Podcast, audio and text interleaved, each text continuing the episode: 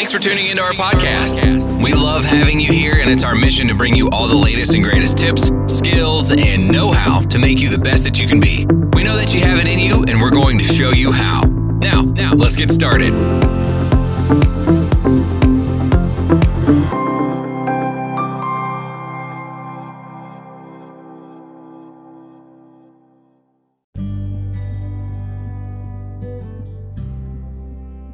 Assalamualaikum warahmatullahi wabarakatuh. Selamat datang di Poki Podcast Kajian Ilmiah HMI Komisariat Visip Cabang Kabupaten Bandung. Halo guys, kembali lagi dengerin suara gue yang imut ini. kangen gak sih sama gue? Eh sorry sorry, maksud gue kangen gak sih sama suara gue?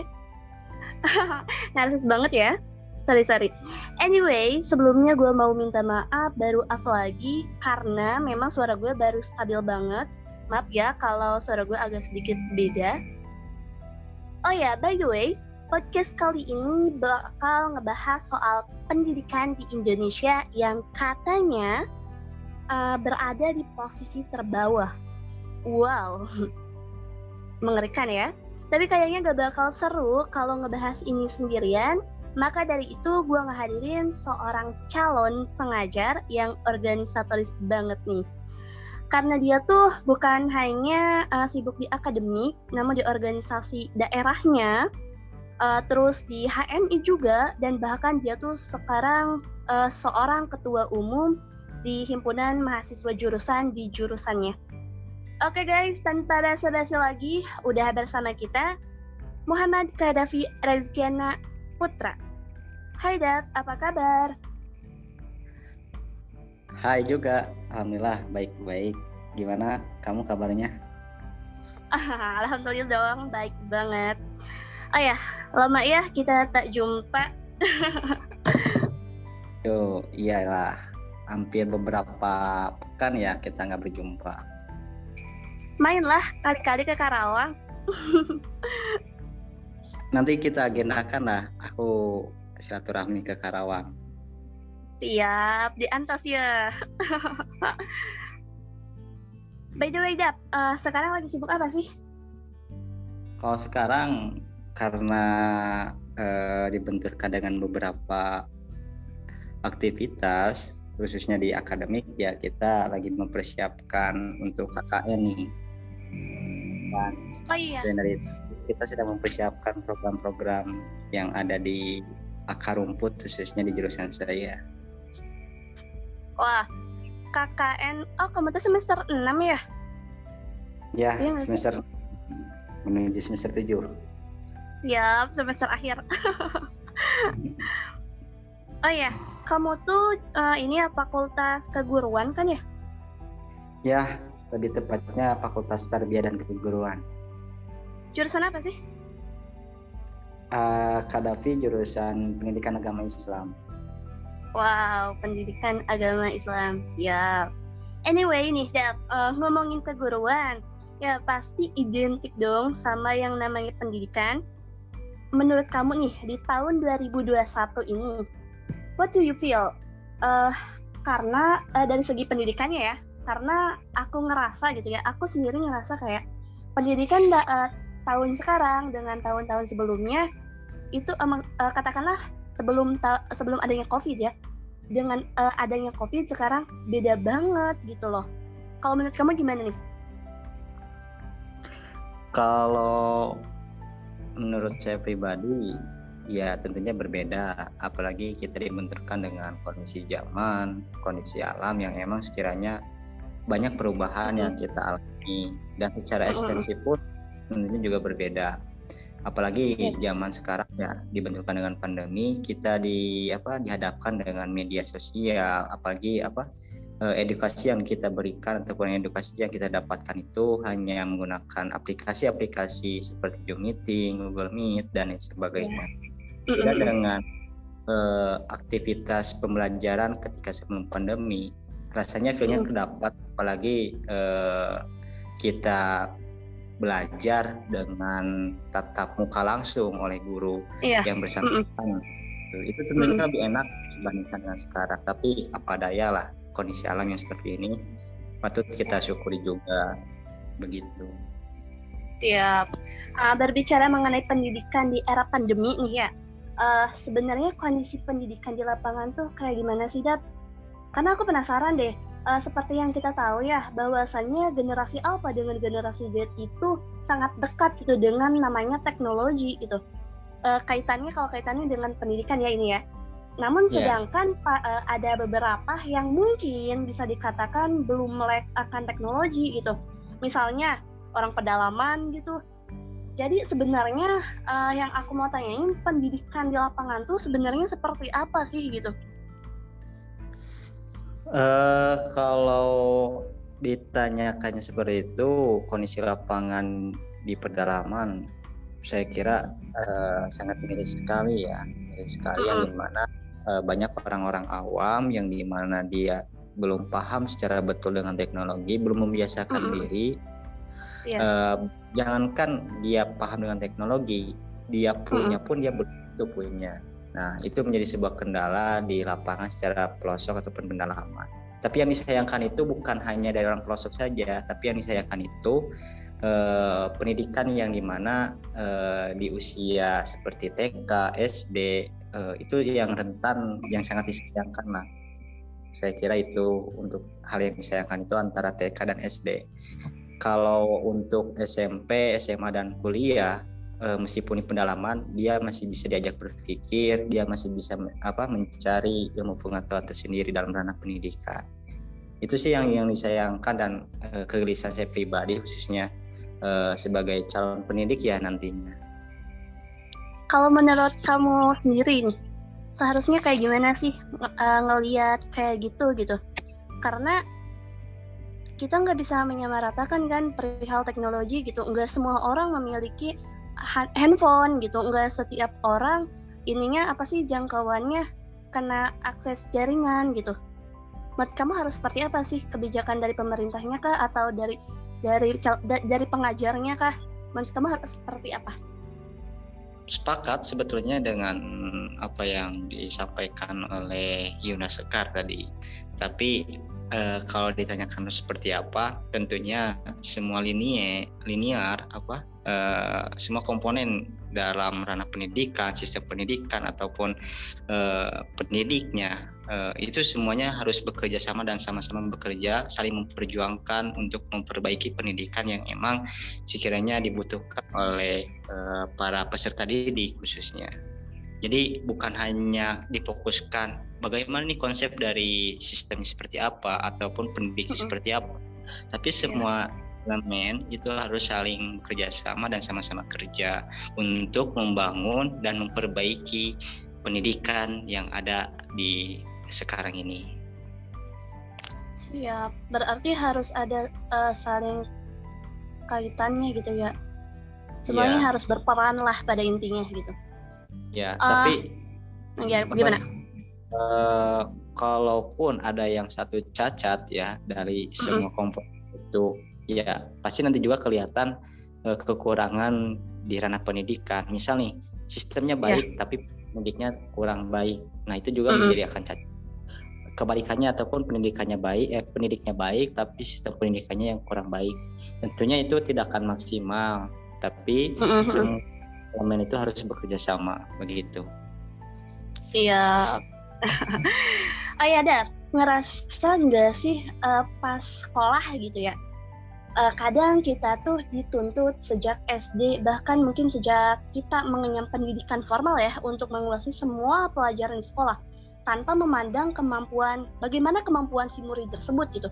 Yang guru tahu gitu uh, siswa tuh harus bisa dalam segala hal tanpa memberi solusi apa pun ke si murid tersebut. Jadi menurut kamu nih bagus nggak sih sistem kayak gitu? Karena jujur ya kalau menurut aku pribadi ya itu tuh mm, nggak enak gitu. Karena nggak nggak bisa dong semua semua orang sama ratakan gitu kemampuannya gitu. Kalau menurut kamu gimana dap? Ya sepakat juga sih sebetulnya ya. E, sebetulnya kalau di ranah pendidikan khususnya ya tidak semua orang bisa dipaksakan ataupun tidak semua orang di konsep e, mm -hmm. dia menguasai semua ilmu pengetahuan, tapi ada basic yang di mana dia menekuni dalam bidang tertentu. Iya. Dulu juga saya terlalu dipaksakan ya di ketika SD kamu harus harus tahu ini, kamu harus paham ini. Bagi saya itu terlalu memaksakan lah dan kurang ideal juga.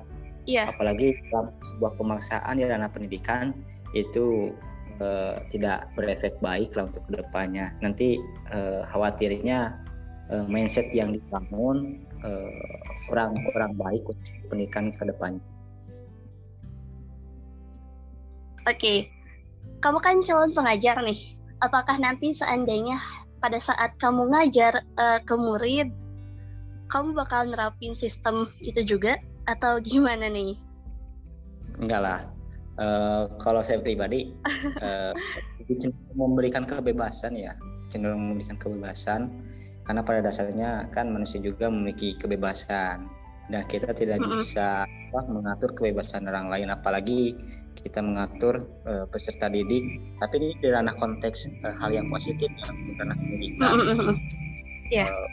uh, baik untuk dirinya sendiri dan bisa mengembangkan secara basicnya saya mm -hmm memberikan sebuah kebebasan tapi kalau nantinya uh, di luar dari koridor pendidikan yang secara idealnya seperti itu ataupun ini uh, saya juga nanti juga mengambil tindakan sebagai pendidik ya nantinya begitu jadi kalau untuk saya pribadi kurang pas dan kurang relevan juga uh, kalau sekiranya kita dipaksakan memberikan kepaksaan kepada peserta didik nanti jatuhnya psikologinya yang kena uh, saya kira juga dulu juga saya psikologinya itu sedikit kena juga kalau emang dipaksa mm-hmm. itu.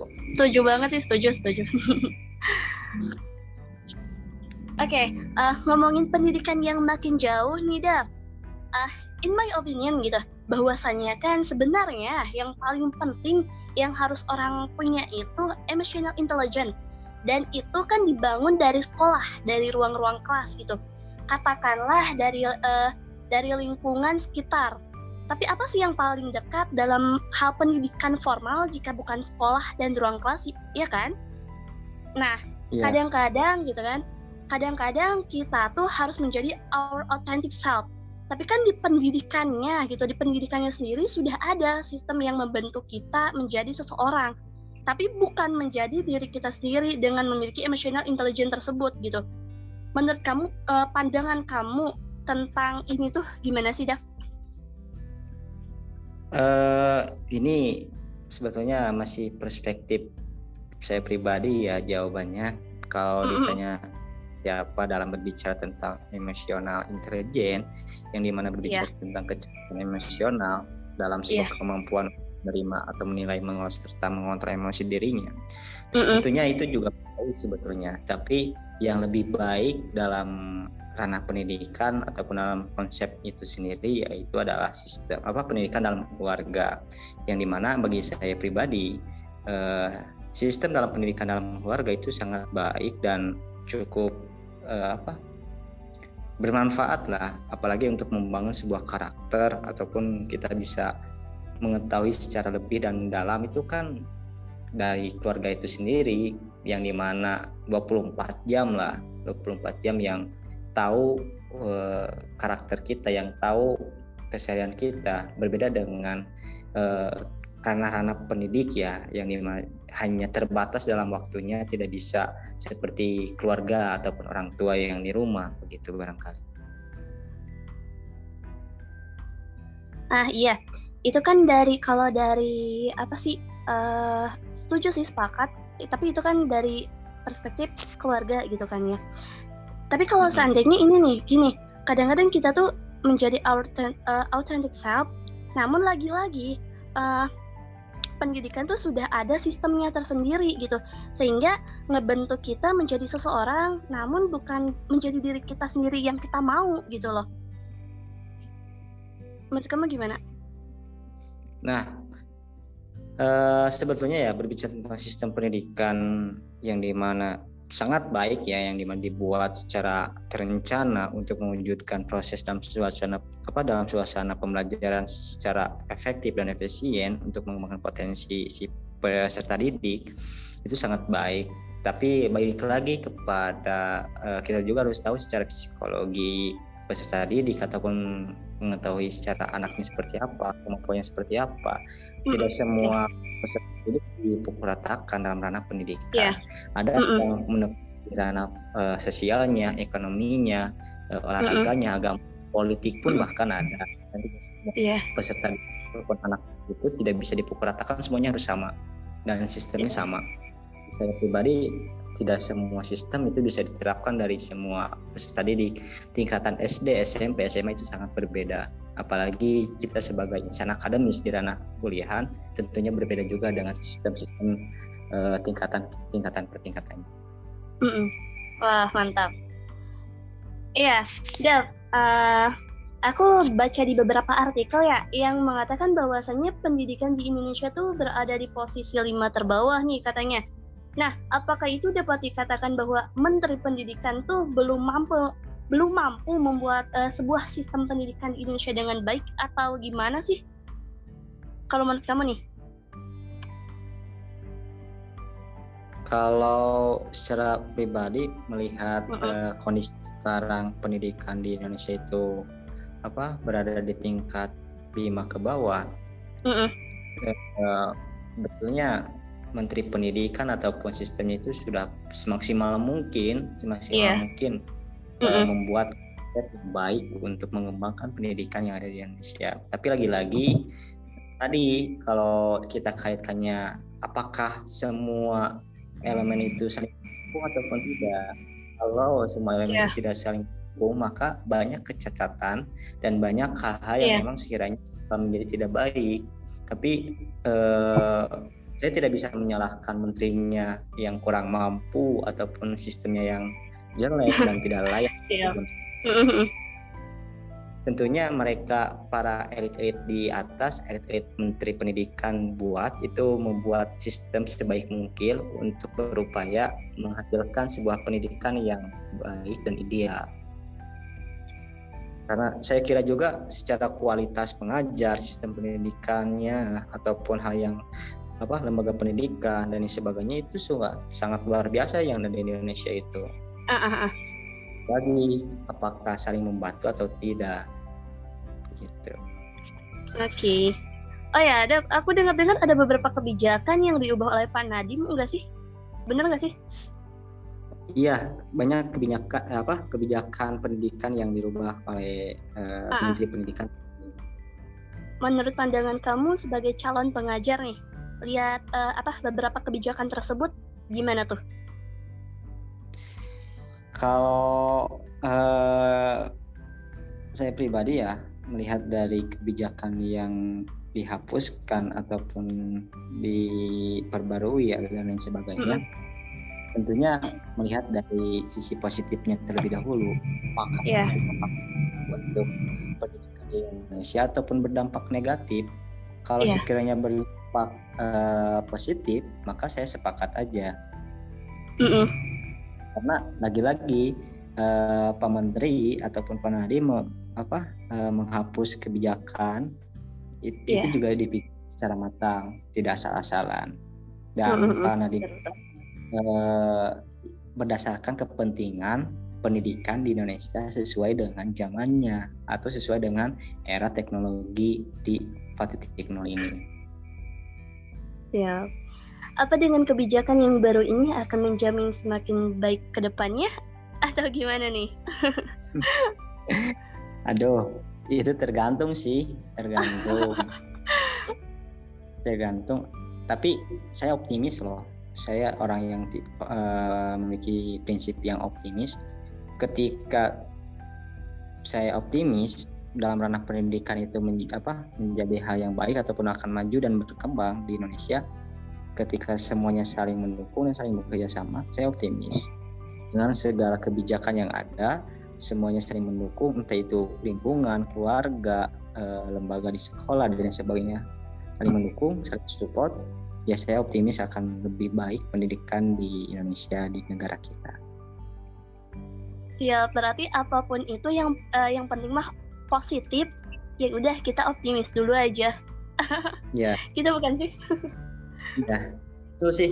Tapi kalau uh, apa? Hmm, apa? Kalau lihat ya. Mm -mm. kalau lihat dengan si sekarang banyak banyak banyak perspektif ya. Antara ada yang mengatakan uh, pendidikan untuk beberapa tahun ke depan di Indonesia khususnya akan hancur. Ada juga yang mengatakan pendidikan, pendidikan di Indonesia ke depannya akan lebih baik dan lebih maju. Tapi kita tadi uh, kita ambil sisi positifnya dulu dan apa kita perbarui ataupun kita perbaiki eh, hal-hal uh, yang negatifnya. Jangan sampai kan kita juga sebagai rakyat Indonesia, sebagai uh, insan akademis, sebagai mahasiswa, sebagai pendidik ataupun calon pendidik tidak mau pendidikan yang ada di negara kita di Indonesia itu semakin memburuk dan semakin uh, jatuh dan semakin jelek. Tidak mau lah. Apalagi kamu sebagai orang nantinya apakah kamu mau anak kamu uh, mendapatkan pendidikan yang tidak maksimal dan tidak kurang baik oh jelas tidak. Kalau saya teringat lah Iya kira-kira. dengan tujuan pendidikan yang menurut Tan Malaka. Tan Malaka kan pernah mengatakan dalam tujuan pendidikan itu sendiri uh, itu lebih cenderung kepada mempertajam kecerdasan, memperkukuh kemauan serta memperhalus perasaan. Nah, mm. ketika pendidikan di Indonesia itu lebih baik, maka tujuan dari Tan Malaka itu akan terpenuhi dan tidak akan terwujud juga untuk mempertajam kecerdasan, kemauan serta memperhalus perasaan. Itu ideal wow. Sekali bener bener setuju. Sepakat banget sih. Oh ya. Uh, one last question for you. Satu uh, pertanyaan lagi dari aku untuk kamu. Jika kamu diberi kesempatan untuk menjadi seorang menteri pendidikan what will you do? Apa yang akan kamu lakukan atau apa yang akan kamu ubah dalam sistem pendidikan di Indonesia Uh, sebetulnya tujuan saya mengunyah pendidikan bukan menjadi menteri pendidikan, tapi ingin menjadi seorang manfaat bagi masyarakat dan bisa membahagiakan orang tua. Tapi sekiranya saya diberikan sebuah kepercayaan untuk menjadi seorang menteri pendidikan uh, dan ke dan saya tidak akan menyanyikan kepercayaan itu dan tidak akan menyakiti kepercayaan orang lain kepada saya sebagai Menteri Pendidikan. Ya tentunya membuat sebuah konsep pendidikan sebaik mungkin dan menjadikan pendidikan yang ada di negara kita itu semakin maju, semakin meningkat dengan uh, ridho Allah Subhanahu Wa Taala sesuai dengan tujuan yang emang sekiranya kita harus perjuangkan di ranah pendidikan dan banyaklah hal-hal yang kita apa uh, perbaiki dalam ranah pendidikan yang kurang baiknya dan mempertahankan hal-hal yang baiknya. Begitu barangkali uh, Yunda. Siap, mantap. Tapi kalau di kalau di apa sih kalau dipertanyakan misalkan gini, kamu bakal pengen jadi pengajar aja atau menteri pendidikan nih? Kalau di, dihadapkan dengan dua pilihan. kalau dihadapkan dengan pilihan tersebut tentunya saya akan mm memilih jadi seorang pendidik atau seorang pengajar karena Kenapa? Why? Uh, sangat-sangat inilah sangat bermanfaat sekali khususnya ya saya merasakan sendiri bagaimana seorang pendidik itu memberikan ilmunya ataupun uh, hal-hal yang lainnya itu sangat-sangat terus sekali. Saya Tapi kan kira, kan Menteri Pendidikan juga sangat ini sangat apa sangat berpengaruh sekali terhadap pendidikan di negara tersebut. Betul sekali. Akan gimana tetapi itu kan gimana ya? Uh, tidak tidak ter, apa tidak langsung bersentuhan lah, tidak langsung bersentuhan dengan peserta didik dan Menteri Pendidikan tidak tidak akan mengetahui bagaimana fisikal pendidikan itu seperti apa dan bagus untuk ke depannya dan dia tidak bisa bersentuhan langsung dengan para peserta didik. Berbeda dengan para pendidik yang di mana dia langsung bersentuhan dengan orang tuanya dengan peserta didiknya dan lain sebagainya. Sehingga feel yang dirasakan dalam pendidikan itu kerasa benar. Gitu. siap. Jadi mau uh, calon pengajar aja nih. Mau jadi pengajar aja nih. Jadi jadi pengajar aja. Mantap. Oke, closing statement dong buat calon-calon pengajar di masa depan nih. eh closing statement ya Mm-mm. dalam dalam ya mudah-mudahan tetap berkomitmen untuk senantiasa maju bersama dan tetap menjaga Asik. optimisme kepastian yang terus Mm-mm. bergerak yakinkan dan usahakan dan paksakan Eh, salam pencerahan dan salam harmonis Siap. Thank you so much for today. Makasih atas waktu dan kesempatannya. Jangan bosan ya. Dav, hey, jangan bosan. boleh siap nanti kapan-kapan Apa? kita di langsung ya apalagi eh, sudah rindu lah dengan kondisi-kondisi kita bertukar pikiran untuk menjaga kewarasan dan sebagainya secara tatap muka Siap. Tapi entahlah sampai kapan ini COVID-nya akan berakhir. Kayaknya harus benar-benar diusir dulu gitu COVID-nya. optimis dulu lah jangan terlalu Siap. pesimis Siap, Pak Optimis. By the way, Dap, eh, akan ada sesuatu yang nantinya aku kirim ya. Eh, anggap aja itu apa ya? Eh, kenang-kenangan dari Poki gitu. boleh boleh boleh boleh Siap. Oke deh. Oke guys, sebelum aku akhiri podcast hari ini sedikit eh, aku berceloteh bahwasanya Aristoteles mengatakan pendidikan merupakan bakal terbaik untuk perjalanan hidup. Nelson Mandela berargumen bahwasannya pendidikan adalah senjata paling ampuh yang bisa kamu gunakan untuk mengubah dunia. Dan Benjamin Franklin mengemukakan bahwasannya investasi dalam pengetahuan selalu membayar bunga terbaik. So, make education number one even though the system is not that good. Gue Sekar Lestari Diningrat, pamit undur diri. Wassalamualaikum warahmatullahi wabarakatuh. Jangan lupa untuk selalu dengerin Poki ya. Bye-bye.